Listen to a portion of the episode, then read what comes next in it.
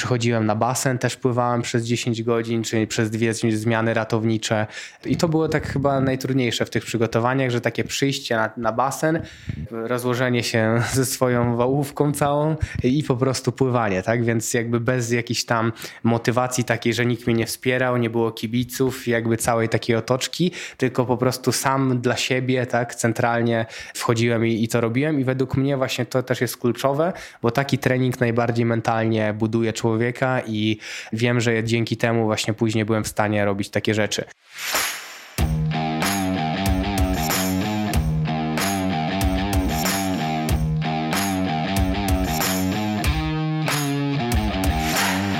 Nazywam się Cyprian Majcher i witam Cię w podcaście Elite Mentality. Audycji tworzonej dla osób pragnących poznać sposób myślenia, nawyki i mentalność ludzi, którzy osiągnęli mistrzowski poziom w swoich dyscyplinach. Witam w podcaście po trochę dłuższej przerwie, no ale za to podczas tej przerwy mogły powstać w Warszawie dwa nowe miejsca do treningu, czyli e, miasteczko CrossFit oraz studio jogi 600 nad ziemią, więc e, jeśli lubicie coś w Warszawie, to też serdecznie do tych miejsc e, zapraszam. No i z drugiej strony też wielkie dzięki za sporą ilość wiadomości na temat reaktywacji podcastu. Naprawdę bardzo miły temat. Więc e, przechodząc płynnie do dzisiejszej rozmowy, moim gościem jest Sebastian Karaś, czyli pierwszy człowiek na świecie, który przepłynął w pław 100 km przez Bałtyk z koło brzegu dam Bornholm w czasie 28 godzin i 30 minut, ale oprócz tego był także wieloletnim członkiem kadry Polski. Jest także rekordzistą w pływaniu 24 godzin non-stop na pływanie z wynikiem 96 km, przepłynął kanał La Manche w czasie 8 godzin 48 minut, zdobył 50 medali Mistrzostw Polski we wszystkich kategoriach wiekowych, ustanowił 5 rekordów Polski na basenie i kilkukrotnie przepływał dystans Helgdynia, czyli dystans około 20 km w rekordowych też czasach. W tej rozmowie y, Sebastian przekazuje trochę między słowami taką bardzo ważną lekcję poprzez e, opisanie takiego ważnego czynnika sukcesu w sporcie, jakim jest e, ekstremalnie ciężka praca.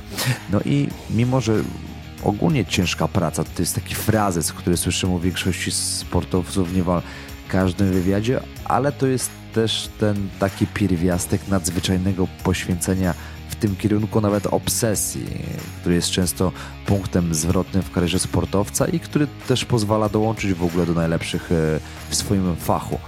I Sebastian jest na to moim zdaniem idealnym przykładem.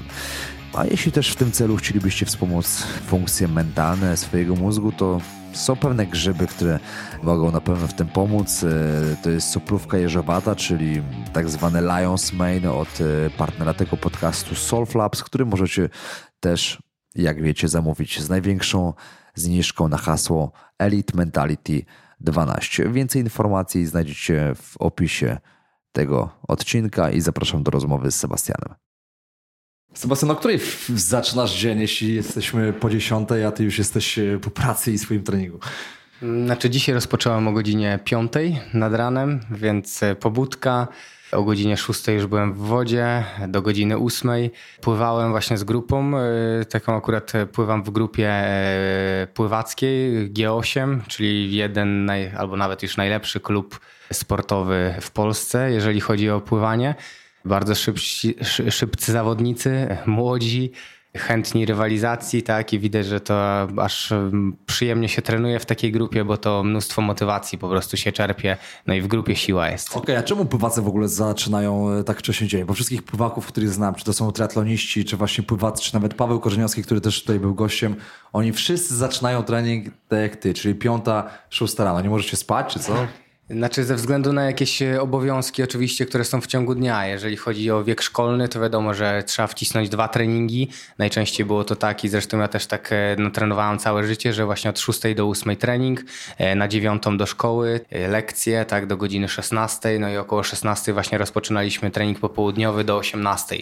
więc e, tak to wygląda. Czyli też spora objętość e, treningowa podejrzewam, ale Sebastian, witam Cię bardzo serdecznie w, w tym podcaście i tak jak Ci powiedziałem przed rozmową, bardzo się cieszę, że jesteś moim gościem, bo no właśnie dla takich ludzi jak Ty tworzony jest ten podcast, bo nie tylko wygrywasz w określonych konkurencjach, ale dwa, tworzysz jakby własną konkurencję i wyjątkowo jakby szczególnym aspektem w Twoich działaniach no, odgrywa głowa, tak jak sobie powiedzieliśmy już e, przed, bo dla przypomnienia jesteś rekordzistą Polski w przepłynięciu najdłuższego dystansu na basenie 25-metrowym e, w czasie 24 godzin. Masz też rekord Polski w przepłynięciu kanału La Manche. No i wreszcie ta wisienka na torcie, czyli przepłynięcie w, w Pław Bałtyku. I tak się zastanawiam, czy w ogóle to jest tak, że lubisz bić rekordy, czy, czy to raczej jest tak, że stawiać sobie takie nierealne wyzwanie? Jakbyś w ogóle opisał te pomysły? swoje. Znaczy też może na początku ze wszystkimi się przywitam, bo przepraszam, nie zrobiłem tego na początku. Tak, jeżeli chodzi o te wszystkie rekordy, no to, to było tak jak troszeczkę później można powiedzieć, bo rozpocząłem swoją przygodę z pływaniem w wieku 8 lat i w sumie na początku no, rywalizowałem na najwyższym poziomie, bo jakby właśnie jeżeli chodzi o ten wiek e, młodzieńczy, tak, e, później rywalizowałem w kategoriach e, tych juniorskich, seniorskich, cały czas zdobywałem medale na Mistrzostwach Polski, poprawiałem te rekordy w pływaniu sportowym. Następnie właśnie już w roku 2012 pamiętam, że przekwalifikowałem się na pływanie na, na wodach otwartych. No i też na początku było to no wszystko pod kątem rywalizacji. No i w sumie taki jest główny cel. Tam rywalizowałem wtedy na 5 km, na 10 km, na Pucharach Europy Europy, Pucharach Świata. Ścigałem się też na takich dłuższych wyścigach 20-25 kilometrów. No i w pewnym momencie tak e, odkryłem, znaczy może nie tyle co odkryłem, co tak sobie poczytałem trochę jeszcze o kanale La Manche, ile osób to przepłynęło, jakie są rekordy. No i stwierdziłem właśnie, że tutaj chciałbym też spróbować swoich sił, czyli generalnie planem na kanał La Manche było poprawa rekord, e, rekordu świata. E, akurat rekord należy do takiego Australijczyka Trenta Grimseya. Też miałem jakby możliwość, bo płynął z nim w takim wyścigu z Helu do, do Gdyni. Wiedziałem jakby na jakim on jest poziomie i, i tak no, czułem, że jak może jakieś też warunki będę miał odpowiednie, no to po prostu jestem w stanie ten rekord y, poprawić. No jednak przy kanale La Manche o tyle jest taki problem, że tak naprawdę tutaj, jeżeli chodzi o samą prędkość pływania, bardzo dużą rolę odgrywa pogoda i siła prądów, y, jakby przepływy i odpływy, jakie są danego dnia na kanale La Manche, no i po prostu celem każdego jest, pływaka jest popłynięcie w możliwie linii prostej.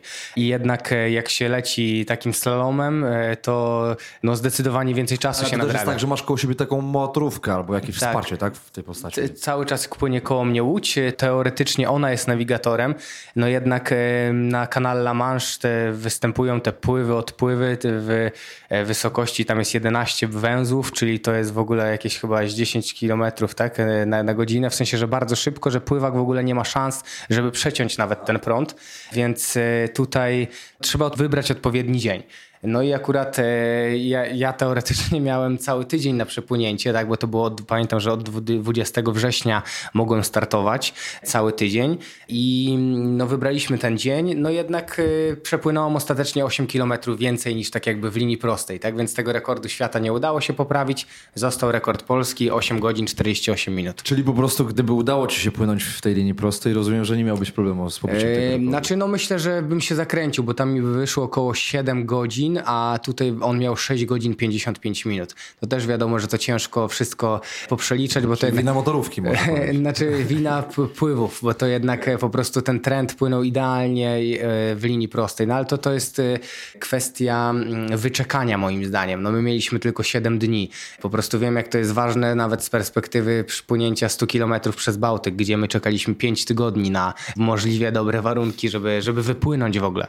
No tak, a wspomniałeś właśnie o, o tej rywalizacji, która towarzyszyła ci od y, ósmego roku życia, tak jak wspomniałeś, od którego w ogóle zaczęła się twoja przygoda y, z pływaniem? I jak już y, też rozmawialiśmy przed, wiesz, że Gościem tego podcastu był też twój brat Robert Kalaś, czyli rekordzista świata w potrójnym Ironmanie, więc w ogóle obaj... Znam, kojarzę gościa. Kojarzę gościa. Więc w ogóle obaj staliście się, bym powiedział, znani z pokonywania takich barier e, w dążeniu do swoich takich, bym powiedział, nierealnych celów i zastanawiam się tutaj, jak z twojej strony, jak wygląda mm, relacja między wami, czy, czy w ogóle rywalizujecie między sobą, czy raczej się wspieracie? Bo teraz, no już nie będziemy przechodzić do triatlonu, więc jakby zostaniemy na razie w ogóle przy takiej waszej relacji ogólnie? No, znaczy, generalnie było tak, że my myślę, że w taki sposób właśnie ukształtowaliśmy swój charakter, e, a to przez to, że no, mieszkaliśmy pod jednym dachem przez te wszystkie lata. Pamiętam, że my rywalizowaliśmy no, na jakby w każdym możliwym miejscu i w, o każdej godzinie, dosłownie we wszystkim. I to nie tylko w sporcie, tylko w jakichś takich najprostszych rzeczach, na przykład e, kto pierwszy zamknie drzwi w samochodzie, kto pierwszy usiądzie z przodu w samochodzie, e, nie wiem, kto pierwszy dobiegnie do drzewa. Jakieś pamiętam takie sytuacje, że mieliśmy w domu łóżko piętrowe i ja spałem na dole, a Robert spał u góry. No i tak e, przed zaśnięciem potrafiliśmy w taką grę grać i tak trochę się przedrzeźniać. Na przykład on mówił tak, a ja mówiłem nie. No i tak w sumie w ogóle bez konkretnego celu, tylko wygrywał ten, kto powiedział ostatnie słowo. No i potrafiliśmy tak na przykład trzy godziny robić przed samym zaśnięciem, więc przez te wszystkie lata w taki właśnie sposób wydaje wydaje mi się, że wykształtowaliśmy swoją psychikę i jesteśmy, nie wiem, odporni na monotonię, odporni na ból i jakieś tam cierpienie, więc wydaje mi się, że ta rywalizacja właśnie między nami też nam bardzo dużo dała. Ale teraz jest tak, że w, też wspieracie, że jesteście gdzieś tam dla siebie taką ostoją, bym powiedział. Nie, no oczywiście, my jakby tutaj oczywiście jest ta strona medalu, ale jednak jak jakieś tam były nie wiem, czy problemy, czy ktoś potrzebował wsparcia, to jak najbardziej. Do dnia dzisiejszego to jednak e, zawsze wyciągamy sobie pomocną dłoń, jeżeli jest taka potrzeba. W sumie wiedziałem, jak po, pogratulowałeś mu też potrójnego Ironmana i w sumie też jesteście razem w teamie Karaś, co, co by nie było. Oczywiście, że A tak. zastanawiam się też od tej e, strony takiej, bym powiedział, waszego wychowania, takiego procesu socjalizacji, jak byliście gdzieś tam mali, ale od strony rodziców. Czy w ogóle to na was jakoś wpłynęło, że nie zaczęliście uprawiać, wiesz, siatkówki, piłki nożnej? Nie byliście, bym powiedział, normalnie dosyć, nie? Hmm. Tylko wy wyrobiliście na takich ultra wyczynowców, więc zastanawiam się, czy w ogóle karmili was jakimś kryptonitem, czy, czy, czy o co tam chodzi? Nie, no mi się wydaje, że po prostu my zawsze byliśmy świadomi tego, co robimy i chcieliśmy to robić, bo jednak e, tak jak e, ja patrzę na przykład na dzieci na basenie, to po prostu ja pamiętam, że od zawsze wiedziałem, po co przychodzę na trening. Nie, nie robiłem tego dla trenera, dla rodzica właśnie, tylko robiłem to dla siebie, tak? Bo moim celem było, żeby wygrywać, chciałem być najlepszy zawsze, więc wiedziałem, że muszę zrealizować daną jednostkę treningową, żeby iść cały czas do przodu. Tak? Wiem, że Robert miał, e, wydaje mi się, że miał dokładnie tak samo, więc tutaj chyba trzeba upatrywać tego wszystkiego. Taka świadomość moja. Wiedziałem też twój dyplom pierwszy w wieku e, chyba tam 8 czy 9 lat za przepłynięcie 25-metrowego tak, tak, basenu. Tak, tak. Ktoś tak, Pamiętam to dokładnie. Ktoś też fajnie tam skomentował, bo twoje zdjęcie Sebastian Karaś 99 975 km później.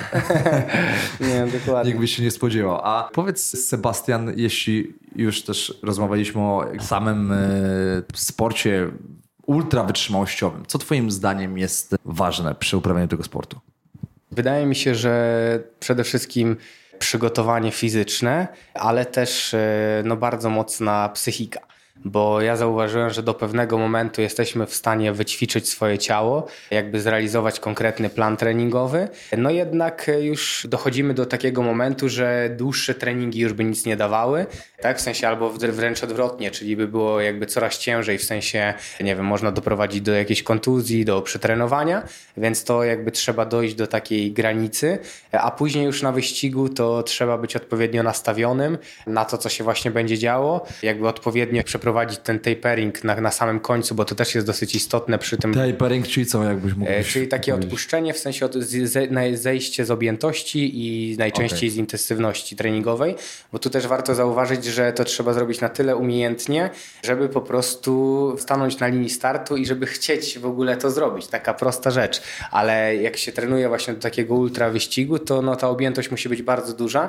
No i tak jakby kluczem jest odpowiednie też zejście z tej objętości, żeby nie być niedotrenowanym też, ale żeby nie być przetrenowanym, bo chyba jeszcze gorzej byłoby być przetrenowanym i po prostu jakby człowiek no w ogóle psychicznie nie był na to gotowy, bo to jest kluczowe.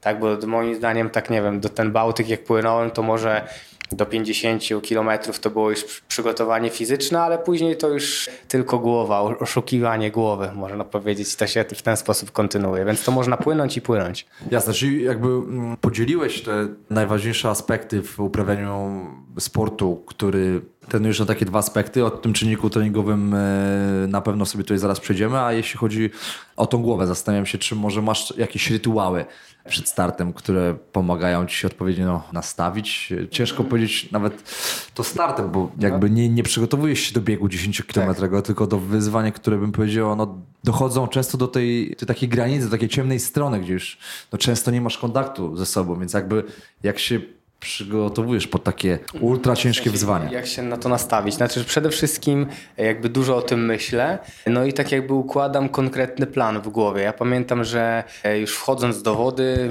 przede wszystkim byłem spokojny, zrelaksowany, jakby nastawiłem się na to odpowiednio. No i realizowałem od pierwszego metra dosłownie tego, tych 100 kilometrów e, plan, który sobie założyłem, a plan był taki, żeby podzielić te 100 kilometrów na krótsze odcinki, które znaczyły coś dla mnie e, w przeszłości. No i właśnie w taki sposób pokonałem Bałtyk i według mnie to jest przepis na pokonanie długich dystansów albo przekraczanie własnych możliwości, czyli takie trochę oszukiwanie głowy. To znaczy jakby w danym punkcie znajdowałem się tu i teraz, e, czyli na przykład wchodząc do wody wyobrażałem sobie, że jestem na Pucharze Europy, na przykład w Turcji, pamiętam, że płynąłem 5 km i płynąłem od pierwszego do 5 km w Turcji. Później przeniosłem się nad Balaton i 10 km płynąłem jakby na Pucharze Świata wtedy, tak, czyli od 5 do 10 kilometra. Później pamiętam, że co ja, aha, Gdynia Hel przepłynąłem, to jest 18 kilometrów i właśnie od 10 do 18 kilometra wyobrażałem sobie, że jestem, spłynę z Helu do Gdyni i tutaj kończę. Później przepłynąłem też najdłuższe jezioro w Polsce, czyli Jeziorak, czyli od 18 kilometra do 27 leciałem już na Jezioraku. Później przepłynąłem z Helu do Gdyni i z powrotem, to, czyli 38. Potem znów jeszcze raz i potem I takie, z powrotem. No i po prostu pamiętam, że Bałtyk dopiero zacząłem płynąć od 54 kilometra, czyli w momencie jak właśnie płynąłem na takim ogólnopolskim maratonie 12-godzinnym, czyli dopłynąłem do 54 kilometra i jakbym się obudził i o, jestem w Bałtyku, zostało mi tylko 46. Ale to tak jakby łatwo sobie powiedzieć i łatwo wyobrazić, tylko jednak to trzeba naprawdę być mega skoncentrowanym i no tak jakby no, oszukać swoją głowę. Nawet mi ciężko jest to wy, wyjaśnić, ale no właśnie nie myślenie do przodu, nie myślenie co jest dalej, tak? Ile mi jeszcze zostało. No ale to jest no mega trudne. Zresztą osoby, które mają styczność ze sportem wytrzymałościowym, to no wiedzą o czym mówię. Super, to też myślę, że bardzo fajna koncepcja. Myślę, że też yy, przypomniałem sobie właśnie, jak rozmawiałem z Albertem, on też gdzieś tam mając jakieś odcinki do przejechania na rowerze 516 km. No ciężko sobie wyobrazić odcinek na rowerze 516 tak. km. Jeśli jedziesz 300 z samochodem 180 tak, na godzinę tak, tak. I, i bolą cię nogi e, po, po dwóch godzinach, a co dopiero wyobrażenie sobie takiego w ogóle też dystansu 100 km w wodzie. Ale w takim razie, Sebastian, idąc dalej, porozmawiajmy y, o takich twoich największych wyczynach, bo pierwszą twoją taką spektakularną próbą było przepłynięcie najdłuższego dystansu na basenie 20 5-metrowym w czasie 24 4. godzin. Tak. Powiedz, skąd wpadłeś na ten pomysł akurat? Pamiętam, że to było właśnie w 17 roku e, i to było po nieudanej pierwszej próbie przepłynięcia Bałtyku, bo próbowałem już e, w 16 roku. E, no jednak tam były bardzo duże problemy żołądkowe i po prostu że wymiotowałem w, w trakcie kilkanaście razy. Przez, przepłynąłem wtedy 30 kilometrów. się płynąłeś i wymiotowałeś jednocześnie? Tak, cały czas wymiotowałem i to było no, po prostu odcięcie prądu całkowite. No już y, nie dawałem rady.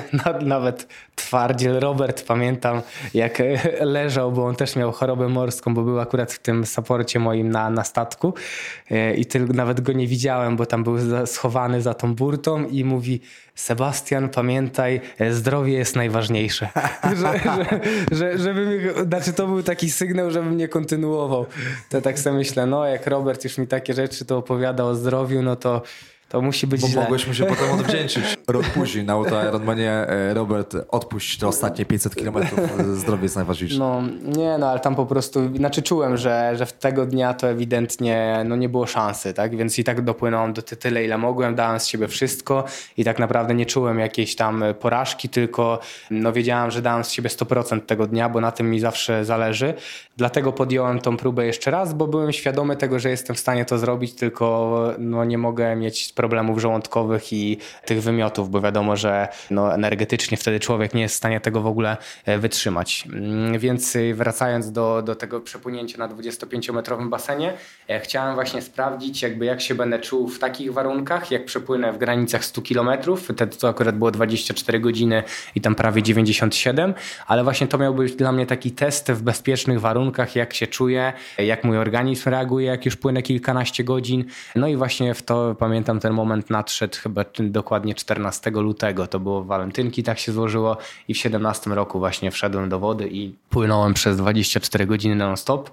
No nie ukrywam, że ciężkie zadanie, e, bo przepłynąłem łącznie 3874 długości. A czemu nie mogłeś sobie wybrać basenu 50-metrowego? Przecież miałbyś mniej tych e, nawrotów chyba. Przecież no tak, sobie... ale jakoś chciałam właśnie też, e, no żeby było troszkę trudniej, żeby też, bo akurat robiłem cały czas nawroty koziołkowe, czyli też chciałam, żeby troszkę mój błędnik popracował, czyli można powiedzieć, że tam robiłem co jakieś 20 sekund fikołek, tak, i nawracałem i tak E, razy 3800, e, więc e, po prostu psychicznie chciałem też zrobić taki trening mentalny trochę pod kątem tego Bałtyku. No i ostatecznie no, wyszło bardzo dobrze, bo tam w sumie było to bardzo ciężkie wyzwanie i nie ukrywam, że chyba czułem się tam gorzej po wyjściu z wody niż na Bałtyku, bo tam też jakby ruszyłem bardzo mocno, bo płynąłem tam, nie wiem, z 10 godzin po minutę 20, później no tam po minutę 20 parę i też chciałem właśnie sprawdzić jakby, no co jest dalej, bo do tej pory najdłużej płynąłem 12 godzin, no i to załóżmy też mogę jako ciekawostkę powiedzieć, że zauważyłem, że na mnie bardzo dobrze działa mięso wołowe i dlatego później to wykorzystałem. I właśnie jak tą wołowinę jadłem, to nagle przyspieszałem. I to dosłownie było tak, że jak mnie już odcinało energetycznie, zjadałem wołowinę i zacząłem płynąć nagle 6 sekund szybciej, czy tam 7. Test, w ogóle? test wyszedł przypadkowo, bo akurat pamiętam, że to była chyba, nie wiem, tam z 16 czy 17 godzina płynięcia.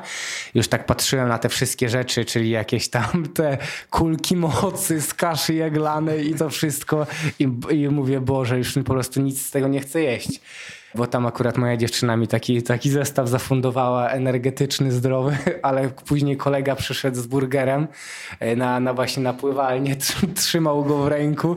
Tak spojrzałem na tego burgera i powiedziałem, że to jest to ewidentnie. Mówię, żeby dali mi tego burgera, zjadłem go i po prostu czułem taką moc, że mogłem lecieć dalej. Rozumiem, że jadłeś go podczas spłynięcia, czy, czy e, W sensie tam akurat na, na, basenie, tam e, na, na murku miałem całe te, te, te wyżywienie, więc mogłem się zatrzymać i po prostu stanąć sobie i zjeść tak jakby z murka. No, ale z wody... ja też się w takim razie, jak się płynie po zjedzeniu takiego burgera, bo rozumiem, że jakby po zjedzeniu jakby krew odpływa ci do żołądka, tak. no i też y, twoje zdolności takie Trawienne. wytrzymałościowe maleją, więc... Znaczy no tak, tak, to... bo to jakby jest rzeczywiście, że y, troszkę uwagi dla organizmu poświęcone jest na trawienie, ale też ja to ćwiczyłem, bo to też właśnie pod kątem przygotowania to to jest bardzo istotne. Ja robiłem na przykład tak, że zjadałem obiad i od razu szedłem na, na pływalnię, robić trening. E, w trakcie też na tych długich jednostkach to cały czas ćwiczyłem, więc ten mój żołądek był na maksa do tego przystosowany, więc w ogóle to dla mnie żaden problem był, tak, żeby właśnie zjeść i od razu płynąć. Rozumiem też, że po zrobieniu tego, w sensie po dokonaniu tego wyczynu, no czułeś pewien niedosyt. Bo rozumiem, że potem e, twój kolejny cel, przepłynięcie kanału La Manche. Aha, okay. Znaczy nie, bo kanał La Manche był wcześniej, w 15 A, roku. kanał La Manche był tak, wcześniej. Tak, w 15 roku. Okay. E, I właśnie po kanale La Manche e, tak naprawdę narodził się pomysł przepłynięcia Bałtyku, bo byłem, pamiętam, wtedy chyba 1200 osobą, która przepłynęła kanał La Manche ósmą w Polsce. Co prawda byłem akurat naj, najszybszym Polakiem i też najszybszą osobą na świecie w 2015 roku, która przepłynęła kanał, ale jednak czegoś brakowało, bo jednak stwierdziłem, że w sumie chciałbym być też tak jak Matthew Webb, który pierwszy przepłynął kanał La Manche chyba w 1874 z tego co pamiętam.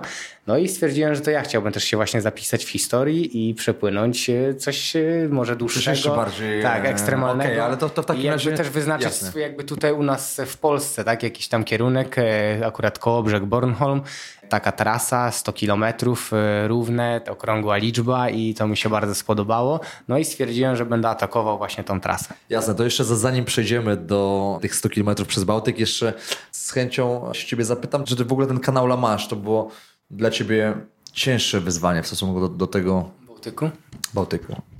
Znaczy każde wyzwanie jest inne, można powiedzieć e, i było, znaczy, bo to wszystko jest tak na równi, więc ciężko mi tutaj wybierać, bo ten basen też był bardzo ciężki. Pamiętam, Jak że... wspominasz kanał La Manche w takim razie? Kanał La Manche wspominam, że to była taka największa walka z zimnem, jaką stoczyłem w ogóle. Od tamtej pory mam uraz psychiczny do zimna i raczej... Czyli nie morsujesz raczej? Już, teraz już nie morsuję, wcześniej morsowałem cały czas. Znaczy też morsowanie w grupie jest przyjemne, ale ja wszystko robiłem samemu, tak? Bo to było no, dosłownie tak, że musiałem sam wchodzić do tej wody, pływać. W grupie jest no, jakoś, nie wiem, takie inne, inaczej, zupełnie inaczej. A no tutaj, jeżeli chodzi o kanał La Manche, to było no masakrycznie zimno. Tam akurat jak ja płynąłem, to temperatura wody wynosiła 15 stopni, to i tak było ciepło, bo nawet w kanale może być około 12 i zawodnicy startują. Jedynie ja mam taki problem, e, albo i A przepraszam się szczęście. przerwę, bo to jest też tak, że masz piankę na Nie, sobie, nie, właśnie tutaj w, przy kanale Manche nie można mieć pianki. A, nie E, mieć pły- pianki. Płynie się bez pianki, płynie, regulamin mówi, że tylko można płynąć w okularkach, czepku i kąpielówkach. O, no i tu jest właśnie cały haczyk, bo to jak ktoś, kto zna mniej więcej te temperatury, jakby jaka jest różnica e, w sensie w jednym stopniu nawet, nie wiem, między 17 a 15 czy tam 16, no to jest olbrzymia różnica. No to jak u nas w Bałtyku latem najczęściej jest około 18, to już jest dosyć zimno. A 15 no to jest y, totalna masakra, tym bardziej dla osób, które właśnie mają dosyć małą tkankę tłuszczową, tak jak ja. E, ja pamiętam, że do tego kanału też musiałem zbudować tą tkankę, bo e, no inaczej w ogóle by to było niemożliwe, bo sobie robiłem takie testy i pamiętam też nawet zresztą z Robertem, byliśmy w marcu na Majorce, ja miałem we wrześniu płynąć kanał La Manche, Tam akurat była chyba woda 13 czy 14 stopni i ja pływałem wtedy, pamiętam, z pół godziny, no i po prostu wychodziłem, cały się trząsłem jak galareta, no to było dla mnie nierealne, żeby wytrzymać w tej A wodzie. kanał La Manche przypłynąłeś w, W 8,40. w 8,40. Czyli 8,40 byłeś w wodzie o temperaturze 15 stopni. Tak jest. 8 godzin. No to sobie E, też coś mogę wyobrazić. Też chodzi o to właśnie, że wtedy pamiętam od marca zacząłem budować tą tkankę tłuszczową. Tam miałem wtedy z 7%, a zbudowałem na 13%. Więc i tak e, nieźle mi to wyszło, bo to prawie 50%, ale to i tak jest bardzo mało w stosunku do osób, które przepływają kanał, bo to wygląda tak, że te osoby mają około 20%, czyli po prostu no, trzeba mieć tą tkankę, żeby jakąkolwiek izolację tą ter- termiczną zachować.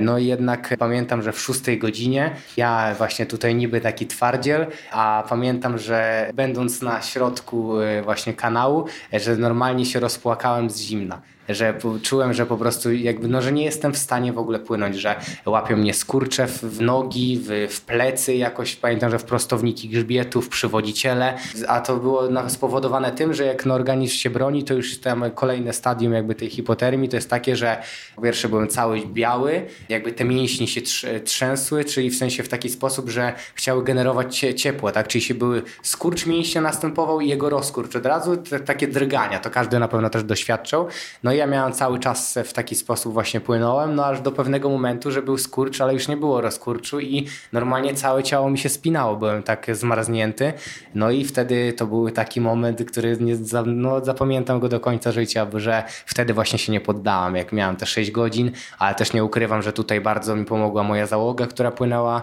koło mnie, bo pamiętam, że oni mi dali e, taki bardzo ciepły napój, że aż mnie palił w, w gardło, prawie że wrzątek i to mi tak pomogło, w sensie, że mnie rozgrzewało od środka. I w taki sposób właśnie te dwa, dwie godziny, tam 40 minut dociągnąłem do samego końca. Co 10 minut polewali mi tam z 200 ml tego ciepłego napoju i e, można powiedzieć, że przez te 10 minut jakoś dochodzi, w sensie e, przez parę minut jakoś dochodziłem do siebie, a później w 10 minucie już wracałem do punktu wyjścia, czyli znowu łapanie skurczy i taka była walka e, no, przez te dwie, no prawie 3 godziny. No nie? Czyli to nie jest też kwestia samej wytrzymałości przez takie 8 Nie, godzin, nie, nie, tylko to- tutaj masz y, sz- szereg czynników takich zewnętrznych, które musisz Tak. pokonać. A co jeszcze było takim wyzwaniem dla ciebie podczas tej próby, oprócz zimna? Wiem, że też y, atakowały cię różne stworzenia. Tak, tam, E, tam akurat Boże. miałem meduzy w kanale, jednak tak jak to porównam meduzy do zimna, to jednak to zimno było gorsze. Wolałbyś meduzy. E, wolałbym meduzy, chociaż i tak pamiętam, że to jest, tak się kontaktowałem z takim kolegą właśnie, który też e, przepłynął kanał La Manche i on mi mówił o tych meduzach, to ja sobie tak pomyślałem, a tam meduzy, że tyle jestem w stanie wytrzymać, że te meduzy to żadnego wrażenia na mnie nie zrobią. No jednak jak, jak zobaczyłem tą meduzę, jak ona wygląda e, przed startem, bo wiem, że bo ona była taka różowa, takie miała głowę dosyć dużą, ale najgorsze były te macki takie, nie wiem, na 30 centymetrów i te macki takie były parzące. No i właśnie problem był też taki, że meduzy zaczęły się pojawiać jak było jasno już, bo ja wystartowałem o czwartej godzinie, czyli tam pierwsze dwie godziny płynąłem po ciemku, no i tych co, coraz więcej tych meduz było, jak e, im było e, właśnie jak słońce wychodziło, im było jaśniej. No i nagle jakieś stada się zaczęły pojawiać, czyli nie wiem, 30-40 meduz Miałeś większą motywację, żeby przyspieszyć. Nie no, to było tak, że właśnie jak pierwsza meduza mnie poparzyła, to było jakiś taki moment, że taki przypływ adrenaliny, że e, takie no nawet podekscytowanie właśnie o, że coś się dzieje w końcu, tak? Po tych trzech godzinach załóżmy jak płynę. E, ale jak to już było 30-40 meduz, gdzie musiałem głowę podnosić do góry, bo mnie parzyły, parzyły po twarzy. Nawet jedna mnie w język poparzyła mnie, bo akurat mam lekko otwartą buzię, jak płynę, to też tą macką mnie tam dotknęła. I też już wtedy mówię, kurczę, nie no, że już byłem w takim stanie, że mówię, nie wytrzymam zaraz tych, z tymi meduzami jeszcze. I taka kumulacja tych wszystkich czynników, czyli ciągle coś doskwiera, tutaj ciemno, zimno, parzy, tak, jeszcze meduzy. z meduzy właśnie słona woda, bo w kanale La Manche jest bardzo słona woda, więc y, jeszcze w trakcie też spożywam jakieś tam pożywienie i te napoje, to mieszanka taka w buzi i w, w żołądku, że, że masakra. No jednak y, no później się to docenia, tak? Ja to wspominam do dzisiaj, właśnie ten kanał La Manche, to zimno, to no cieszę się, że po prostu się wtedy nie poddałem. Ale wszystkie meduzy, rozumiem, były bezpieczne, bo znam typ meduz, które są śmiertelne po prostu gdzieś mhm. na Wyspach Karaibskich na przykład jest dużo, więc rozumiem, że nie, tam, tam z kanału La Manche były bezpieczne. Z, kanału La Manche, tak. Przynajmniej nikt mi nie powiedział tego, ale to ja żyję, jestem, więc, więc raczej bezpiecznie było. Może z opóźnionym zaponem działają jeszcze, wiesz, jeszcze wszystko przed tobą, ale powiedziałeś też taką ciekawą rzecz, że masz otwartą buzię podczas płynięcia. Ja zastanawiam się, jeśli nie, przypłyniesz 8 godzin, czy nawet 24 godziny, to nie jest tak, że pijesz, upijesz jakoś dużo wody? Mm, gdzieś no najlepsze podczas... jest to właśnie, że w ogóle się nie, nie, nie pije wody. Jak bo ja jest... sam na basen na 30 minut, to się tyle tej wody opije, że potem się odbija. tak, ale godzinę. to jest właśnie kwestia jakby pa e, pamięci mięśniowej, tak jakby umiejętności wyczucia tego oddechu. Tak jakby jak ja już tyle lat pływam, to czuję każdy milimetr, gdzie jakby jest woda w stosunku do moich ust. I nie wiem, jak płynąłem 100 kilometrów, to w ogóle nie wziąłem ani łyka, tylko pamiętam raz, jak fala się odbiła tak gwałtownie od burty i wtedy się troszeczkę napiłem, a pod kątem samego płynięcia to, to w ogóle nie ma żadnego problemu. A nie masz powiedz problemów w pływaniu na wodach otwartych powiedzmy z jakimiś, nie wiem, z jakimiś rybami albo z... Nie wiem, ja czasami mam takie, pływam czasami gdzieś na otwartych jeziorach, to czasami mam taką, wiesz, schizami wchodzi do głowy, że jakieś tam jakiś waleń mnie zaatakuje tam w nogę albo coś tam, coś mnie tam szurnęło i sobie wyobrażam, że to jakiś tak, tam tak. już jakiś... Y, Nie, ale to myślę, że każdy tak ma, ja też tak mam, tylko to właśnie trzeba się na to nastawić. Ja tak jakby potrafię się z tym pogodzić, że tak będzie, właśnie, że nie wiem, że, że coś tam będzie mnie dotykało, że nie wiem, że będzie ciężko właśnie, że będę robił coś, co będzie trudne, tak, więc kwestia nastawienia się. Ja na przykład też jak pływam samemu, to najczęściej jak mam jakiś nieznany, nieznany akwen, no to najczęściej wzdłuż brzegu pływam, tak, tak? Nawet jak potrafię przepłynąć, nie wiem, 100 kilometrów w głąb morza, to jednak też zachowuję jakiś zdrowy rozsądek i jednak też e, cały czas pływam przy brzegu. Nawet jak jestem nad morzem, to też e, w jedną i w drugą stronę, bo tak no jakby nie ma większego sensu w sumie wypływania gdzieś tam w dal, no. Dobrze, że, że ty też to masz, bo myślałem, że jakiś problem tutaj w przypadku ze mną wpływaniu na takich... Nie, ale to bardzo dużo osób tak ma. Tak, tak, samo jak nie czują dna, w sensie, że jak już jest głębiej, to Aha. potem niby potrafią pływać, a nagle panikują i okay nie wiem, wszystkiego za, zapominają, tak? Jak już nie mają dna. Jasne. A powiedz jeszcze, zaintrygowały mnie te testy, o których e, powiedziałeś. Mówiłeś o testach, które robiłeś przed tym e, kanałem La w sensie tak. z taką adaptacją w wodzie. Mhm, w zimnej wodzie, Zimne, tak Jak jest. to wyglądało dokładnie? E, znaczy było to, generalnie pamiętam, że raz albo dwa razy w tygodniu wchodziłem do zimnej wody. E, na początku w okresie zimowym no to było e, samo morsowanie, że stawałem, później jak już lód... Ale nie wchodziłeś, rozumiem, na 5-8 minut. Na, nawet potrafiłem, pamiętam, że 20 minut wytrzymać w 4 stopniach. W okresie zimowym, ale najgorsze było to, że... Czyli w Przeręblu już siedziałeś. Tak, w Przeręblu, że, że w ogóle mi się to nie przełożyło, co ciekawe, na właśnie pływanie, bo pamiętam, że wtedy w marcu pojechałem z Robertem na ten obóz, no i była woda 13 stopni, ja tam pół godziny pływałem, no a tu nagle już cały się trzęsę, tak, więc ja myślałem, że to będę jednak w jakimś stopniu odporny, a tu rzeczywiście wtedy stwierdziłem, że ja muszę po prostu nabrać trochę tkanki tłuszczowej, bo przy, z 7% to ja daleko nie upłynę tego kanału. W ogóle jak już skończyłeś e, swoją przygodę z tym, jak już dopłynąłeś, jakie e, było takie twoje pierwsze uczucie? Bo rozumiem, że to też było poniekąd spełnienie twojego takiego pierwszego, największego marzenia, prawda? Mm, tak. E, znaczy pamiętam, że to jest też tak, że jak się jeszcze jest w trakcie albo bezpośrednio po, to tak, e, znaczy człowiek się cieszy, jest ta satysfakcja, ale pierwsze co, to ja, znaczy ja czułem ulgę, e, bo że to już jest koniec, tak? Bo to jednak można sobie wyobrazić 28,5 godziny płynięcia, już mi było bardzo zimno, druga noc, bo akurat wystartowałem o godzinie 19, więc całą noc płynąłem, później cały dzień i znowu noc zahaczyłem, więc... Teraz już mówisz o, o Bałtyku, Bałtyku tak, o Bałtyku. Bałtyku no. Była to ulga, no jednak później pamiętam, że coraz większa satysfakcja, że jak się obudziłem następnego dnia, to aż tak nie wierzyłem w to, takie po prostu taka euforia, endorfiny i no niesamowita rzecz, tak? Bo to w tym momencie, jak już można powiedzieć, nie, nie, nie pływam takich objętości,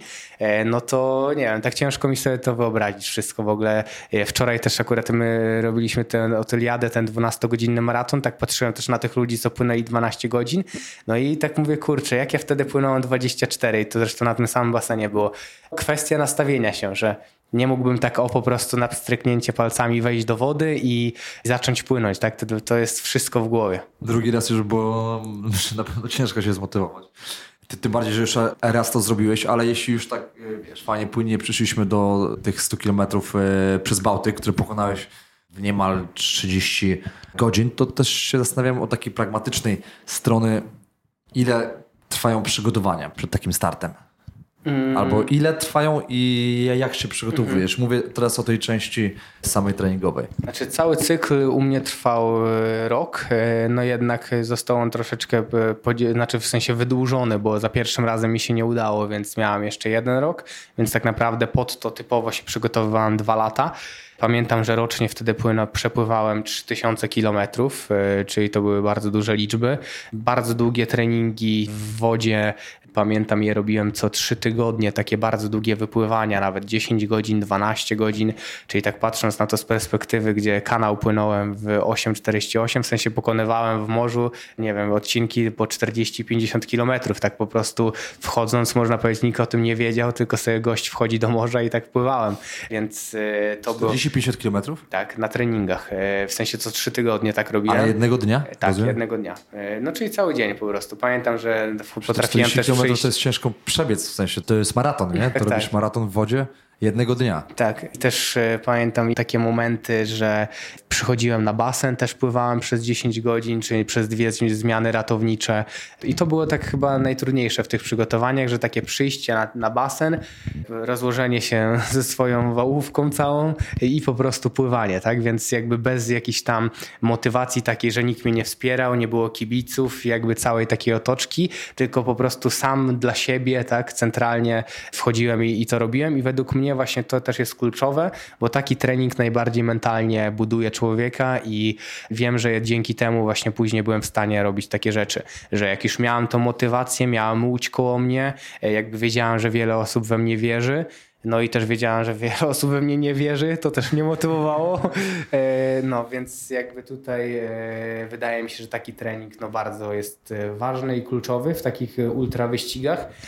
No i później... Czyli specjalnie można powiedzieć, wyrzucałeś takie mm, rozpraszacze albo nawet bym powiedział wspomagacze, które są przyjemne dla ciebie, bo rozumiem, że motywacja innych znajomych, prawda, czy nawet Nie, no oczywiście, że tak, jest... sobie nawet jakiegoś konkretnego celu, że dzisiaj y, przepłynę sobie tam powiedzmy 10 kilometrów, tak, w twoim przypadku jakby usuwałeś, utrudniałeś sobie zadanie, ale mówisz, że bardziej, żeby przygotować się pod takie tak. ciężkie tak. zadanie mentalnie. Najlepsze jest to, że w trakcie takiego treningu myśli 100 razy, żeby wyjść, żeby się poddać, ale ja też mam taką zasadę swoją złotą, że jak wiem, że jak raz się poddam, to już zawsze będę się poddawał i coraz łatwiej będzie się poddać. Więc y, no po prostu nigdy się nie poddaję. A powiedz, czy jeśli powiedzmy 40 km e, przepływasz podczas jednej z sesji, no tak powiedzmy co 3 tygodnie, ale rozumiem, że twoja sesja to jest powiedzmy około tam średnio 10-15 kilometrów, więc czy możesz sobie w ogóle pozwolić na taki komfort, poza oczywiście jednostkami e, treningowymi, w których skupiasz się wyłącznie na tym mentalu, żeby w jakiś sposób zabić ten czas w postaci jakichś audiobooków, czy używasz takich rzeczy, czy słuchasz jakiejś muzyki, e, jakieś słuchawki w uszach, tak mhm. nie, bardziej, żeby nie popaść w taką monotonię. Mm, w pewnym momencie korzystałem też z takich słuchawek, no i zresztą nawet na, na tych najdłuższych e, tych moich wyzwaniach, w sensie na Bałtyku to miałem i na 24 godzinach też miałem, ale jednak no, na Bałtyku to ściągnąłem w trakcie, bo fale mi wytrącały te słuchawki z uszu i po prostu już mnie to bardziej denerwowało. E, tak samo do pewnego stopnia to tak jest, nie wiem, do 5-6 godziny jest tak w miarę przyjemnie, a później to jak coś tam jęczy ciągle do ucha, to też jest jeszcze gorzej. Więc, a czego słuchasz? E, tam akurat miałem jakiegoś audiobooka, pamiętam i to w ogóle jakiś, na, na szybko to zgraliśmy, jakieś historyczne, pamiętam o jakiejś carycy.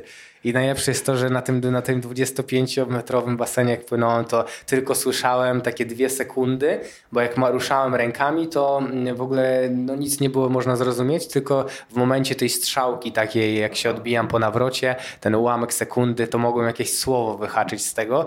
No i tak sobie pływałem. Okej, okay, czyli bez sensu raczej, nie? Całkowicie no, znaczy, tak, tak, tak. Tutaj akurat tak. W takim razie, Sebastian, powiedz, jak to wygląda bezpośrednio przed samym startem, bo, bo rozumiem, że to nie wygląda tak, że przyjeżdżasz sobie do koło brzegu, jesteś z teamem Karaś i mówisz do ekipy, no dobra chłopaki, płyniemy. Czyli rozumiem, że to jest jakiś proces, tak? Jak to wygląda przed samym startem u ciebie? Mm, znaczy wyglądało to tak, że przede wszystkim byliśmy w stałym kontakcie z tą łodzią naszą e, Jamesa Cooka i oni tak naprawdę wyznaczali termin startu. Co to jest za, za łódź? To jest jakaś łódź, która jest znaczy, to, to jest w ogóle kuter rybacki, oni akurat pływają na dorsze. No i w sumie w, tak się z nimi skontaktowaliśmy i e, oni stwierdzili, że to z nami zrobią, w sensie, że będą w stanie mnie asekurować i też oni mieli doświadczenie, bo wcześniej sztafetę taką asekurowali przez Bałtyk. Więc akurat dlatego była też ta łódź. No i co prawda też no nie ma co ukrywać, no ona nie jest o tyle najlepsza, bo jest, jak są fale, to ona się buja, dlatego, znaczy mocno się buja i dlatego była taka historia w tym 16 roku, że wszyscy z załogi praktycznie no, wymiękli i zachorowali na, na chorobę morską. Więc yy, taka była historia. No i tam właśnie oni przede wszystkim patrzyli na kierunki i siłę wiatru i to było takim naszym wyznacznikiem. Pamiętam, że właśnie, że no ta fala nie mogła przekraczać półtorej metra, żeby nie była większa w tych prognozach. Wiadomo też, że jakby że w rzeczywistości jest no troszeczkę inaczej, bo to są tylko prognozy pogody.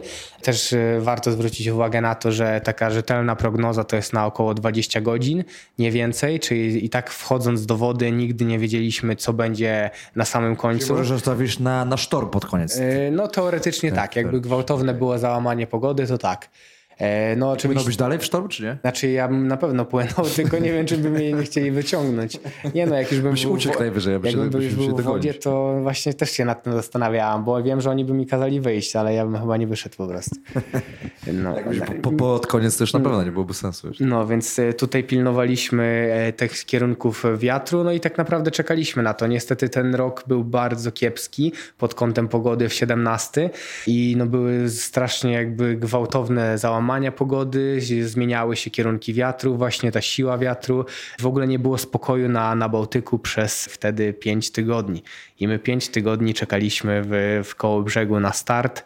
I to też nie ukrywam, że był mega ciężki czas, bo każdy już y, dostawał takiego doła psychicznego, bo to można sobie wyobrazić. Łatwo to jest powiedzieć, ale tak być na miejscu przez miesiąc i y, jakby z ekipą, która się ciągle zmienia, którzy jakby poświęcają nie wiem, no swoje dni, tak, rodzinę, pracę, wszystko pode mnie można powiedzieć. Y, jak ja tam byłem właśnie w koło brzegu, na przykład przyjeżdżał ktoś na tydzień, no i nie startowaliśmy. Chociaż teoretycznie na przykład stojąc na brzegu, w koło brzegu jakaś taka płaska płaska tafla jest przez dwie godziny, to tak ludzie się zastanawiają jakby dlaczego nie płyniemy, tak jak jest tak pięknie, słoneczko, płasko i w ogóle, ale to ciężko komuś wytłumaczyć, jak e, to ma, my szukamy okienka na 30 godzin, a załóżmy jak później nagle od razu się psuje pogoda i e, nie wiem, będą fale nawet dwu czy trzymetrowe, taki wiatr, nie wiem, 30 czy 40 km na godzinę, no to po prostu to jest w ogóle nierealne, tak? Ja tutaj mi zależało na tym, żeby się zapisać w historii.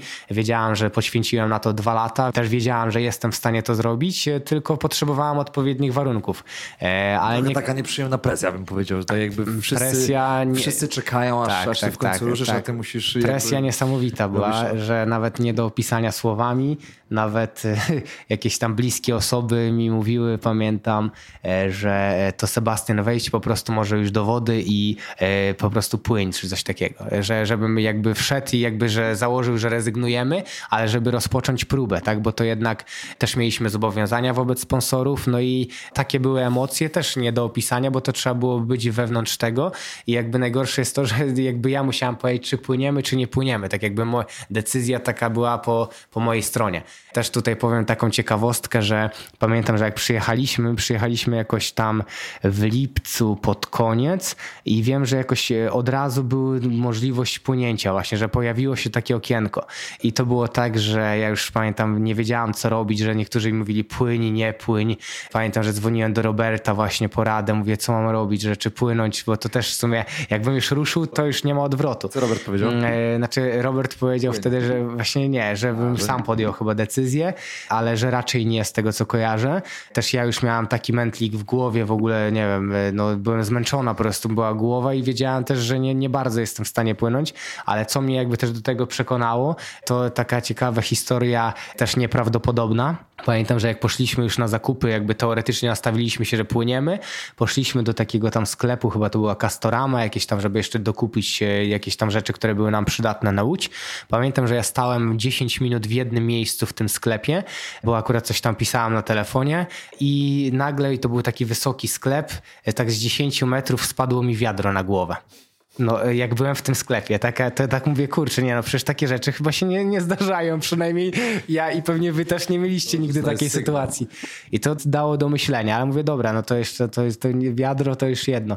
Ale pamiętam też, że E, jak wracaliśmy z tego sklepu, bo wynajmowaliśmy mieszkanie właśnie tam w koło brzegu, pamiętam, że była taka bardzo słaba pogoda, wiał mocno wiatr, padał deszcz i e, ja miałem rzeczy rozwieszone na, gdzieś tam na balkonie i tak przed wejściem do naszego bloku mój czepek, e, napis Never Stop Believing, który miałem na czepku, cały w błocie, w kałuży i tak mówię, patrzę, nie no to chyba to kolejny znak akurat na, na mnie trafiło, że, że, że wszedłem w ten czepek, tak? Patrzę, o kurczę, mój czepek w kołuży leży, w którym miałem płynąć zaraz, więc stwierdziłem, że nie płynę po prostu tego dnia. Jasne, a powiedz y, w tej próbie, rozumiem, ostatecznej, tej drugiej, cała ekipa miała tą chorobę morską, mówiłeś. Czy, czy to przy pierwszej próbie? Przy pierwszej próbie, przy drugiej było lepiej, zdecydowanie, bo mieliśmy też takie magiczne naklejki za ucho, które jakby jakoś działały na błędnik, to były jakieś ziołowe leki i naprawdę cuda czyniły. No, że, Pytam się o to, bo czytałem gdzieś czyichś tam wspomnieniach, że e, tak ci doskwierał humor podczas samego płynięcia, że pytałeś się nawet członków, jak się czują i czy nie mają choroby morskiej. tak, nie, no, no ja, oczywiście, bo to też zastanawiałam się po prostu, bo wiedziałam, że jak było po, w pierwszej próbie, ja się czułem bardzo dobrze, to no, interesowało mnie to po prostu, jak oni tam się trzymają i czy, czy się nie nudzą. Czy załoga jest to cała na... A w takim razie, jeśli, tak jak powiedziałeś, to 28 godzin, to teraz sobie szybko obliczyłem, czyli e, rozumiem, że jeśli dochodziło do adrenaliny, no bo każdy tak ma, że przed jakąś wielką imprezą sportową ciężko jest zasnąć. No nie, nie wierzę, że ktoś tak. jeśli ma zawody nawet o godzinie 10 rano, to nie budzi się o 5 czy 6, mm. szczególnie mm. przy takiej rangi, gdzie czekasz na coś dwa lata i, i, masz to zrobić, już wiesz, że zrobisz to tego dnia, no to noc, dwie noce wcześniej, no to już taka jest adrenalina, że twój sen może nie o tyle jest też płytki, bo jest płytki, ale też jest na pewno krótki. Adrenalina cię szybko wybudza. Jeśli płynąłeś 30 godzin, to zastanawiam się w ogóle, ile Wcześniej. nie spałeś w mhm. ogóle, jakie miałeś okienko i w ogóle jak twój organizm zareagował na ten brak snu. Mm, przez tyle znaczy, czasu. To akurat to tyle było dobre, bo właśnie jest dokładnie tak jak mówisz, że każdy, myślę, sportowiec, nie wiem, albo mamy w planie coś, na czym nam zależy po prostu, na co pracowaliśmy tyle czasu, bo to niekoniecznie nawet sportowo, ale no to jednak człowiek rzeczywiście ma problemy ze snem. E, ja całe szczęście było tak, że ciągle było tak, że najprawdopodobniej płyniemy, że nie wiadomo, czy popłyniemy, więc e, teoretycznie obudziliśmy, ja się obudziłem rano, jakoś tam wyspałem się elegancko, fajnie przespałem całą noc, poszliśmy poszliśmy rano na, do, do Jamesa Cooka i właśnie oni sprawdzili jeszcze raz prognozę pogody, no i okazało się, że wieczorem startujemy. Więc tak naprawdę miałem y, od 10 rano cały dzień. No nie spałem łącznie 40 chyba tam parę godzin, no ale jednak y, całkiem nieźle się czułem, tak? Te, cały czas. A dlaczego wystartowałeś y, wieczorem, a nie, a nie, a nie, a nie wcześniej? Bo właśnie też jeszcze była gorsza pogoda. A bo tak... wspominając też właśnie, aha, okej, okay, że jakby, pogodę, że, no. tak, że wszystko kwestia Jeśli chodzi o Ultra Ironman, no to zawsze jest to gdzieś tam bardzo wcześnie, nie? Tak, tak, Rano, tak. Więc takie zawody startują, więc... Ale też akurat pogoda. oni mieli, znaczy wiadomo, że to też tam jest wszystko też w bez, bezpiecznych warunkach, czyli na małych pętlach, E, na basenie pływanie, więc tak jakby tutaj nie masz takich e, no, czynników zewnętrznych, jeżeli chodzi o samo pływanie w morzu, tak w, przy dużym wietrze i przy wielkiej fali. Też ważny jest kierunek fali, bo pod falę na przykład płynąc to no, jest no, zdecydowanie ciężej i praktycznie niemożliwe jest to do przepłynięcia, bo mi się wydłużyło to nie wiem ileś, 10 godzin czy 15. Wieczorem o której godzinie wypłynęliście? O 19. Czyli było już ciemno? Czy już, e, już ściemniało się, Czyli tak. tak naprawdę ten na, najcięższy odcinek robisz na początku, bo płyniesz w nocy, nie? Yy, tak, znaczy no teoretycznie tak, więc to było jakimś plusem. No jednak później zahaczyłem o drugą noc, więc jakby, że więc też było ciężko na samym końcu. A jak się płynie w nocy w ogóle? Przed chwilą rozmawialiśmy o kanale La Manche, gdzie płyniesz w ciągu dnia i, i też się wiesz atakują jakieś inne tak. stworzenia, tak. to, to rozumiem, że jeszcze jak, jeśli dochodzi do tego całkowita noc, jakby i sobie myślisz, kurczę, gościu, jest, jest hmm. tam, nie wiem, trzecia w nocy, jest całkowicie ciemno, a ty jesteś na środku Morza Może. Bałtyckiego i, i, masz jakiś poroniony pomysł, żeby płynąć e, tam do Bornholmu w ogóle, więc hmm, jak znaczy, to wygląda w ogóle, jaka jest różnica? Kwestii, znaczy jest strasznie, mnie też to jakby przerażało zawsze takie pływanie po ciemku, no jednak Coś znowu, się mogą wciągnąć, jakiś potwór tam, no, znowu kwestia nastawienia się. Akurat tutaj, no ja miałem takie lampki na głowie przyczepione, więc oni w jakimś stopniu mnie widzieli. E, Łódź też e, była oświetlona, więc e, no ja po prostu cały czas patrzyłem na Łódź, tak jakby nie, no przed siebie starałem się nie patrzeć, bo no zresztą bym nic nie widział, bo to wszędzie ciemność, tak? Pod wodą ciemno, nad wodą ciemno, więc ta Łódź była jakimś wyznacznikiem. No jedynie pamiętam, że w, w pierwszej próbie był taki problem, że coś się z Łodzią stało, że nagle wypłynęli do przodu i mnie jakieś tam z 200 metrów. A ciemno było jeszcze. No tak, tak, tak. I właśnie było, i było szaro, jest... i było szaro właśnie. To i, I to no. było bardzo niebezpieczne, że jakby mnie zgubili, no o, to. Kurczę, no. Więc no to jest ryzyko zawsze jednak. A ale... co by się stało, jakby cię zgubili? Mm, nie wiem, ja musiał chyba improwizować, bym musiał w jakimś stopniu. Ale nie, no, a masz jakieś słuchawki takie nie, dla, nie, bezpieczeństwa, żeby się kontaktować? E, znaczy wtedy miałem te słuchawki, bazą. że oni teoretycznie mogli mówić, albo za pier... nie pamiętam w sumie, czy miałem e, za pierwszym razem, czy nie. No ale jakby miałem tą lampkę na głowie, więc jakby ja, ja się starałem nie ruszać, po prostu podniosłem rękę i machałem do nich. No. Jakby cię zostawili, to już nie miałbyś, tylko nie wiedziałbyś też gdzie, bo to no jest tak, ciężko tak, tak, nie, to w ogóle już wtedy byłaby masakra totalna. No, Więc to... nie wiem, co bym musiał robić, ale chyba najlepiej się położyć w takiej sytuacji i, i leżeć, tak? W sensie, że i woda by mnie zepchnęła gdzieś najwyżej.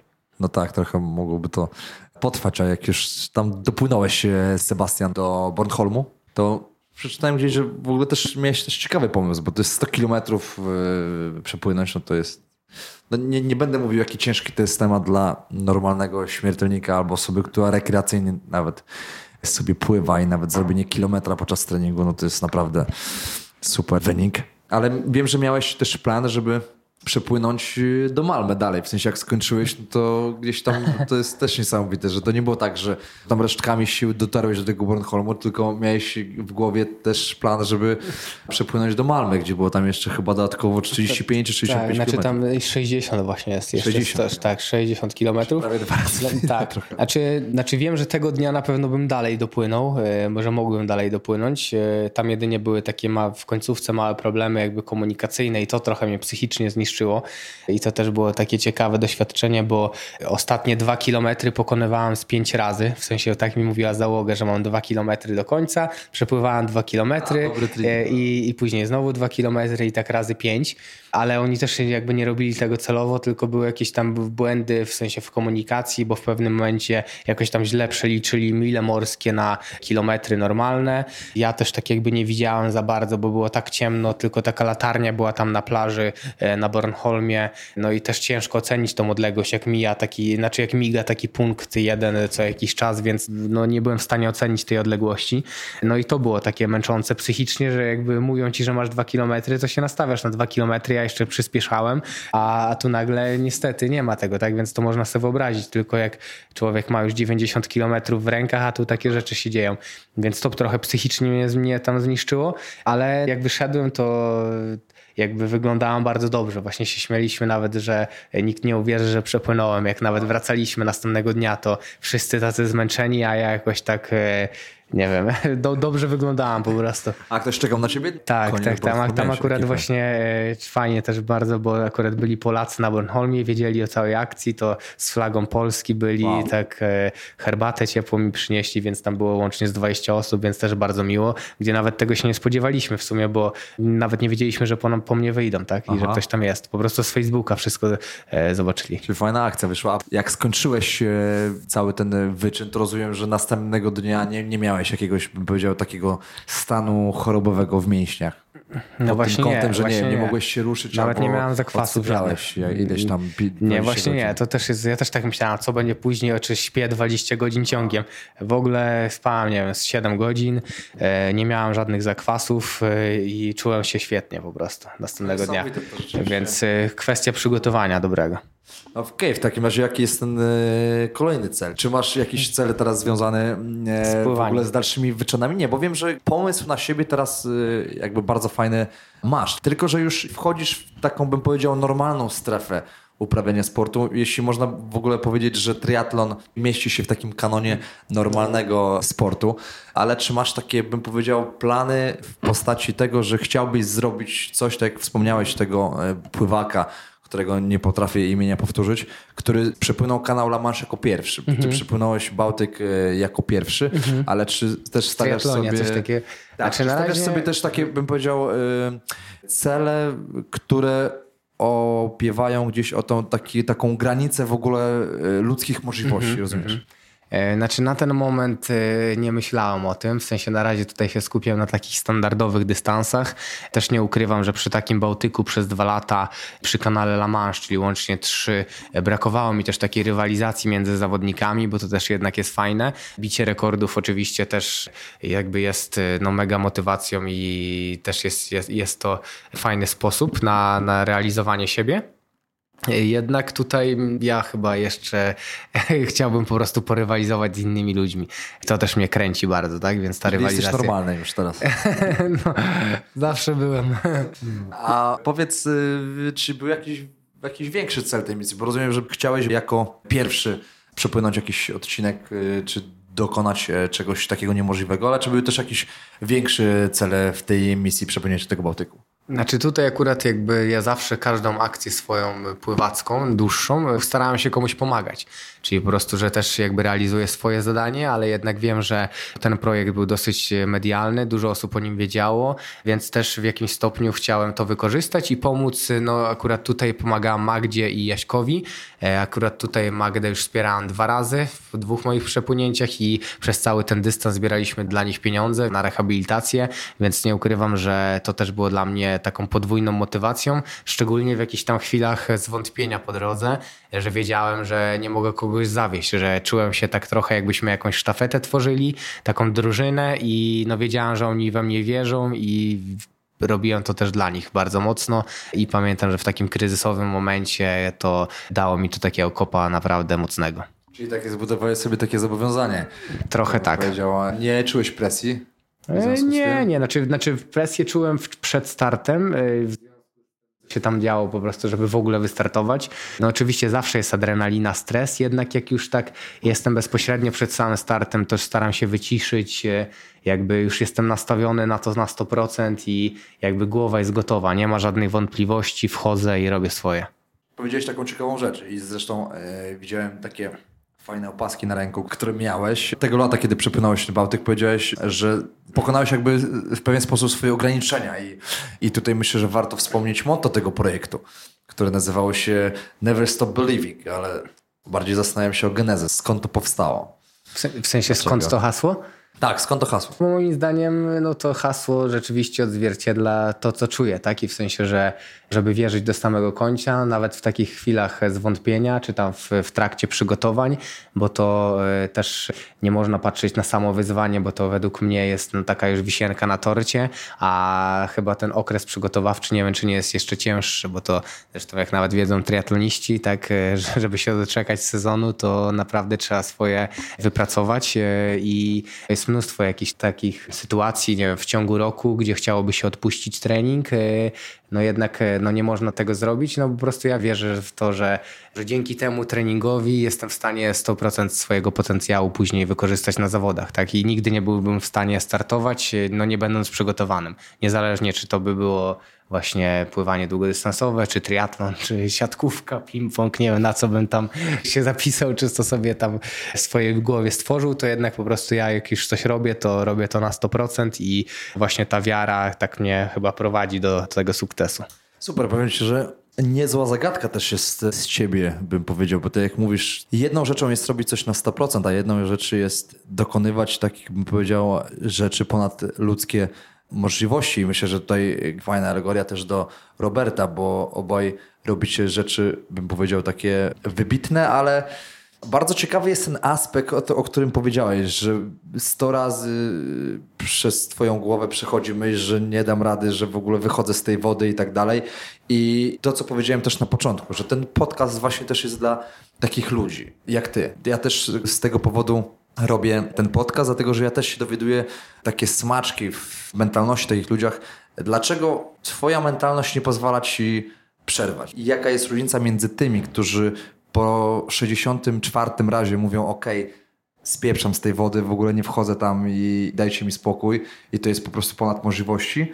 A jaka jest różnica między tymi, którzy wychodzą za 67 razem, a między takimi, którzy w ogóle tego nie mówią i mimo to, że nie potrafią, że jakby ciało odmawia im posłuszeństwa, to jakieś inne czynniki, tym tak. wypadku tutaj właśnie e, mówiliśmy o tej mentalności, popychają cię dalej, żeby to zrobić. Jakby ta mentalność ma też powody no, w takiej twojej całej procesie socjalizacji, to jak zostałeś wychowany w ogóle, tak? W takiej fajnej książce Kopania Talentów, e, trener długodystansowców z Kenii mówił e, przy wybieraniu czy sprinterów, czy biegaczy długodystansowych, on jeśli miał zawodników na tym samym poziomie, to on zawsze wybierał tego, który na przykład miał gorsze warunki do życia, wychował się w biedniejszej rodzinie, dlatego że jego determinacja była większa. Mhm. To też fajne gdzieś tam porównanie do takich, bym powiedział, czynników, które możemy sobie starszy sami wytworzyć pod tak. tym kątem, o których powiedziałeś, że na przykład y, sam sobie zabierałeś specjalnie takie przyjemne rzeczy, które mogły na ciebie wpływać, też żeby właśnie specjalnie się wzmacniać, żeby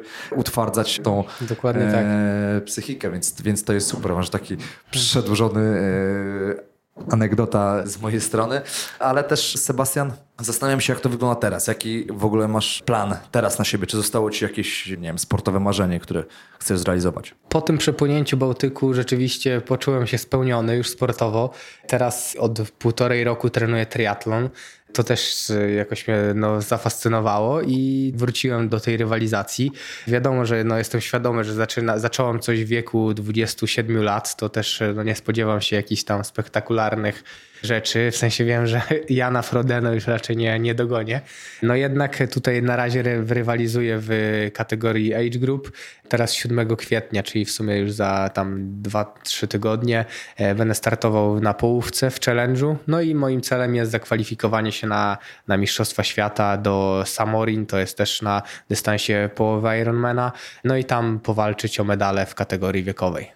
Taki jest plan. Czyli rozumiem, że to jest na, na Hawajach? Nie, nie, to jest na Słowacji, w Samorii. Ale czy twoim... A, a, Aha, że później tak. Generalnie tak. taką miałam perspektywę, wizję triatlonu na 3 lata. E, w pierwszym roku robiłem e, sprinty i olimpijki. Teraz jest drugi rok, gdzie będę robił właśnie połówki. Mam cztery chyba połówki zaplanowane, jakąś tam olimpijkę w Warszawie zresztą. No i właśnie jakby kolejnym celem będzie już rok, to będzie 20 i właśnie wtedy chciałbym się zakwalifikować na Hawaje. Czyli Hawaje rozumiem, że to jest taka wisienka też na torcie w tretlonie, bo tam startują już najlepsi na świecie. Dokładnie tak. I z tego co wiem, to też to jest cel Roberta, Roberta. tak jest. I tak. tutaj więc to wszystko chyba się przyciągacie, czy to specjalnie jest jakoś ułożone? Znaczy, czy to... znaczy trochę jakby tutaj wszedłem na Roberta terytorium. Chyba nie jest E, zbytnio zadowolony. Nie, nie widziałem Nie, jego no. mediach społecznościowych, żeby coś mówił na ten temat. E, Znaczy on akurat w ogóle mnie trenuje, więc e, jakby tutaj tak to wygląda, więc też odnośnie wsparcia to jednak cały czas właśnie się wspieramy, tutaj mnie przygotowuje, zdradza mi wszystkie szczegóły, jakieś tam tajniki triatlonu, gdzie nie, nie wszyscy o nich wiedzą, więc tutaj mam szybki kurs triatlonu miałem zrobiony, więc y, no tutaj no, będę walczył na pewno o te Hawaje, 20 rok, no, no zobaczymy też jak to się potoczy, jak po tym sezonie w sumie jak to wyjdzie. Porozmawiam też z Robertem, jak on to widzi, czy właśnie czy wydłużać ten dystans, czy zostać może jeszcze przy tej połówce, no więc to na razie jakoś tam właśnie plan sobie stworzyłem na 3 lata, więc y, fajnie by było, gdybyśmy razem w jednym roku pojechali na Hawaje, to to już w ogóle by było. Myślę, że myślę, że super temat w ogóle. A też zdarza wam się trenować razem? W sensie pod tym kątem, czy... Mm, Znaczy właśnie w środę jadę pierwszy raz do Roberta na obóz, bo on teraz tam jest na, na Gran Canaria właśnie trenuje cały czas, więc y, raczej rzadko trenujemy razem, więc to będzie taka okazja teraz, żeby, żeby chwilę potrenować. No on zawsze gdzieś tam jest w Elblągu był, ja w Warszawie, czy tam on na obozach, ja na obozach, więc jakoś no tak nie, nie, nie, nie było nigdy zbytnio okazji, ale no teraz pierwszy raz Ale będzie okazja, więc jakby te też co, co, coś czuję, że będzie jakiś element rywalizacji tam. Kto pierwszy to kto pierwszy do, do, drzewa, tak? Holmu sobie na. No nie, no też trenujemy z głową, bo to wiadomo, że każdy jest na jakimś tam poziomie, w sensie odpowiednie zakresy intensywności, bo to nie sztuką jest zrobić, nie wiem, nie jakąś tam wielką objętość, e, czy tam właśnie robić wszystko za mocno, bo to w całym jakby tym procesie treningowym to jednak e, no, przyniosłoby odwrotny efekt, tak? Więc też nie można przesadzić, trzeba wszystko stopniowo, małymi kroczkami do przodu napierać. To prawda, te cele treningowe są ważne, ale też y, moim zdaniem bardzo fajnie jest wykorzystać y, tak, ten motyw taki partnera treningowego, bo po to on jest, żeby właśnie wykrzesać, no wiadomo, Oczywiście. nic tak nie działa na twoje możliwości jak y, kolega, partner z boku, który chce cię prześcignąć. Dokładnie samo tak. Najlepszy trening to są właśnie jakiekolwiek zawody, bo startujesz, rywalizujesz z kimś, chcesz wygrać, odgonić, to, to jest... No, y, znaczy na wyższym jakby można na pewno przekroczyć e, swoje możliwości, dlatego między innymi ja też pływam w grupie obecnie, przynajmniej staram się jakby chociaż trzy razy w tygodniu pływać z pływakami, bo to no, jest zupełnie inny poziom tego i jakość tego treningu. E, No jednak wiadomo też, że to wszystko też musi być dostosowane do możliwości, bo też nie można jakby tak, e, nie wiem, zajeżdżać się totalnie na, na każdym treningu i dawać z siebie 120%, bo to też musi być no, z, z głową po prostu wszystko zrobione. Sparring partner jak najbardziej, tylko też jakby dostosowany do możliwości tej drugiej osoby, tak? Bo to jak wiadomo, ktoś jest, nie wiem, lepszy o epokę, no to wiadomo, że też ma jakby inne te zakresy i też nie ma co tego porównywać. Myślę, że ja bym znalazł dla ciebie takiego partnera treningowego. Zresztą o, nim rozmawialiśmy przed, e, przed, przed włączeniem mikrofonu, bo też gościem tego podcastu, tak jak rozmawialiśmy, był e, Paweł Korzeniowski, czyli e, były wicemistrz świata. Tak jest, tak. E, nie, I nawet mistrz chyba świata, z tego co kojarzę. Kiedy nie na, chcę, na wiem, 200 że delfinem. raz- nie, nie, nie chcę tutaj, pamiętam, jak był- coś to wytnę, e, jeśli się pomyliłem. Ale mm, no myślę, że gdzieś tam podobna kariera, bo też e, no on był pływakiem też taki Tak. bym powiedział, e, on był typowym szybkościowcem, jakby Mhm. jeśli można tak powiedzieć. Ty jesteś, bym powiedział, lubisz długie dystanse, ale to nie zmienia faktu, że jeśli startujesz w długich dyscyplinach, no to masz taki, bym powiedział, mistrzowski poziom w swojej dyscyplinie, więc jakby on przychodząc na chyba w tym samym nawet czasie, w podobnym czasie. No on przyszedł, Paweł pamiętam, że rok wcześniej albo dwa lata wcześniej chyba przyszedł na triatlon. To prawda, tak. No, Paweł jest bardzo szybki, szczególnie na basenie. Na wodach otwartych yy, no, troszeczkę wolniej pływa, ale to też nie wiem, czy nie jest już kwestia treningu, tak? Bo wiadomo, że też pewnie jakieś inne priorytety ma w życiu, nie tylko trening, więc no, spotykamy się na zawodach. Płynęliśmy razem w Warszawie, w Gdyni, no i teraz tam wiem, że będziemy walczyć również chyba Jak nawet. wyglądało bezpośrednie starcie między wami? E, Znaczy na razie jest 2-0 dla mnie, ale to, to jeszcze Paweł się odgraża, więc będzie na pewno teraz mocne w tym Ja sezonie. często Pawła widuję w Wilanowie, jak e, zakłada kaptur, bo gdzieś tam też, e, akurat my mieszkamy na tym samym e, osiedlu Aha. z Pawem w Wilanowie, więc często widzę go jak w kapturze sobie drepcze tylko właśnie jakieś długie dystanse, Mhm. więc też myślę, że też ma jakiś fajny plan na to. Z Tak, tego, co tak, mówił. tak. I Sebastian, na koniec chciałbym ciebie zapytać, ostatnie pytanie. Jaki jest twój przepis na realizację takich wyzwań, tak jak już sobie rozmawialiśmy, takich wyzwań z pozoru niemożliwych? Czy masz taki przepis? Hmm. Trudne pytanie. Albo z kolei może inaczej. Jaką radę dałbyś e, wszystkim osobom, które chciałyby realizować takie wyzwania? Mhm. W sensie wielkie rzeczy. Wielkie rzeczy, dokładnie. Znaczy, moim zdaniem, e, dochodząc do wielkiej rzeczy, trzeba znaleźć sobie takie cele poboczne, troszeczkę mniejsze jakby nie patrzeć na bezpośrednio na ten wielki, ogromny cel, taki, który na początku teoretycznie wydaje się do niezrealizowania. Ja też nie zaczynałem od razu od Bałtyku, tylko zaczynałem od 5 kilometrów, 10, 18 i tak dalej. metrach, od 25 e, no, Nawet od 25 lat. metrów. Ale właśnie jak już później na sam długi dystans, to w, jak płynąłem z Helu do Gdyni pierwszy raz, to nigdy w życiu przez myśl mi nie przeszło, że przepłynę 5 razy więcej, tak, 5 e, razy dłuższy dystans, bo wtedy mi się wydawało to no, takie nierealne realne. Dlatego moim zdaniem, jak chcemy dążyć do czegoś wielkiego, nawet niezależnie, czy to jest w sporcie, czy w ogóle w jakimś, no, w, no, w naszym życiu, ma, każdy ma jakieś tam swoje cele i chciałby no, coś osiągnąć, niekoniecznie w samym pływaniu czy w sporcie, no to właśnie stopniowo i stawianie sobie małych celi po drodze, no i później jakby przechodząc przez te małe cele, dochodzimy do czegoś wielkiego. To jest moim zdaniem taka rada i nie można patrzeć tak daleko do przodu.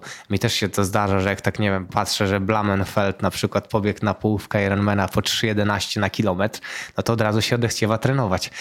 jak, się, jak się o tym myśli, tak? W sensie, że bo taki Norweg pobiegł w triatlonie, połówka Ironmana po 3,11 na kilometr, godzinę 6. Zresztą Frodena biega podobnie. Więc y, no nie ma co po prostu na to, na to patrzeć, tylko trzeba patrzeć na swoje możliwości, wystawiać sobie cele i stopniowo je realizować i odhaczać to. I później nagle, nie wiem, po trzech, czterech czy pięciu latach dochodzimy do no, mistrzowskiego poziomu. No i nigdy się nie, nie podawać w tych e, kwestiach. Jak to mówi twoje motto też e, Never Stop Believing. Dokładnie tak. Więc e, świetny temat i świetna rozmowa. Bardzo Ci dziękuję, bo też Dziękuję również. poza bardzo ciekawymi historiami i anegdotami też pokazałeś taki duży dystans do siebie. Takie bardzo fajne nastawienie do tego, co robisz. No i mam nadzieję, że zobaczę w 2020 są Hawaje. Tak jest, 2020. Mam nadzieję, że będę śledził. Obserwujcie. W ogóle cały czas śledzę i ciebie i Roberta też na różnych mediach społecznościowych, więc mam nadzieję, że w 2020 będzie bezpośrednie starcie, więc e, też e, będzie można sprawdzić, no, kto tak naprawdę za, za młodu to zna większego hartoducha i, i, no tak, tak. i myślę, że to będzie lepszy wyznacznik niż kto ostatni powie tak czy nie przy światła przy pójściu spać. Więc Sebastian, jeszcze raz bardzo Ci dziękuję. E, świetny wywiad i powodzenia w dalszych planach. Dziękuję bardzo.